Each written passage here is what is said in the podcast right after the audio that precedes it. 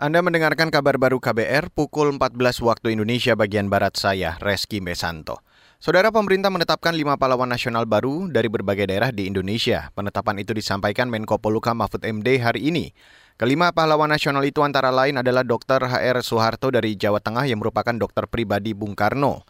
Kanjeng Gusti Pangeran Adipati Aryo Pakualam ke-8 Daerah Istimewa Yogyakarta, Dr. Rubini Nata Wisastra dari Kalimantan Barat yang semasa hidupnya berupaya menurunkan angka kematian ibu dan anak saat melahirkan. Haji Salahuddin bin Talabudin ini adalah diusulkan pahlawan nasional dari Maluku Utara di mana beliau selama 32 tahun berjuang melalui perjuangan dengan semboyan hidup Islam hidup, Syarikat Islam hidup Republik Indonesia yang kemudian ikut membangun negara ini berdasar negara kesatuan yang inklusif berdasarkan Pancasila. Itu tadi Menko Poluka Mahfud MD. Anugerah Pahlawan Nasional juga diberikan kepada Kiai Haji Ahmad Sanusi dari Jawa Barat yang merupakan pendiri Al-Ittihadiyatul Islamiyah atau AII, organisasi yang aktif bergerak dalam bidang pendidikan sosial dan ekonomi.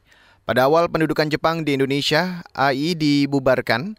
Menko Polhukam Mahfud MD mengatakan penganugerahan gelar pahlawan nasional bakal dilakukan Presiden Jokowi di Istana Negara Jakarta pada Senin 7 November. Beralih ke berita selanjutnya, Saudara. Sidang lanjutan kasus perintangan penyidikan atau obstruction of justice pembunuhan berencana Brigadir Yosua untuk tersangka Brigjen Hendra Kurniawan dan Kombes Agung Nur Patria digelar di PN Jakarta Selatan hari ini.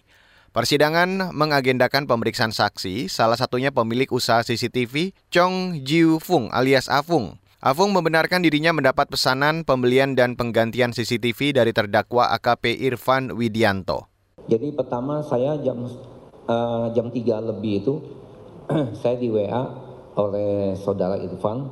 Uh, dia mengatakan uh, izin Pak Afung, saya Irfan.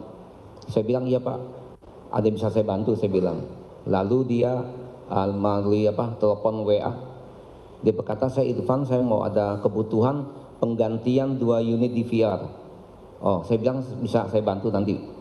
Saksi pengusaha CCTV Afung menawarkan DVR dengan kualitas bagus. AKP Irfan Widianto diketahui memesan dua unit DVR serta harddisk berkapasitas 1 terabyte. Pembayaran dilakukan secara non-tunai oleh Irfan.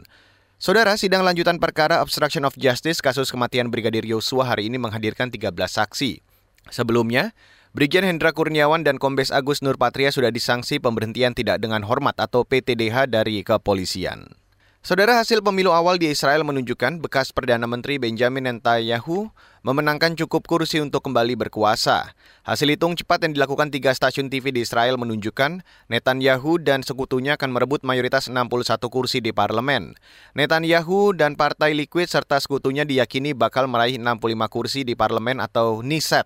Jumlah kursi sebanyak itu lebih dari cukup untuk membentuk pemerintahan baru. Direktur Lembaga Kajian Institut Demokrasi Israel Yonahan Plesner memperkirakan kembalinya Netanyahu kurang membawa kabar baik bagi upaya perdamaian dengan Palestina.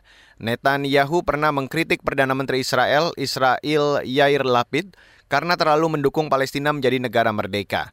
Menurut Netanyahu, dukungan ke Palestina merdeka hanya membuat Israel menjadi lemah. Dan saudara, Demikian kabar baru, saya Reski Mesanto.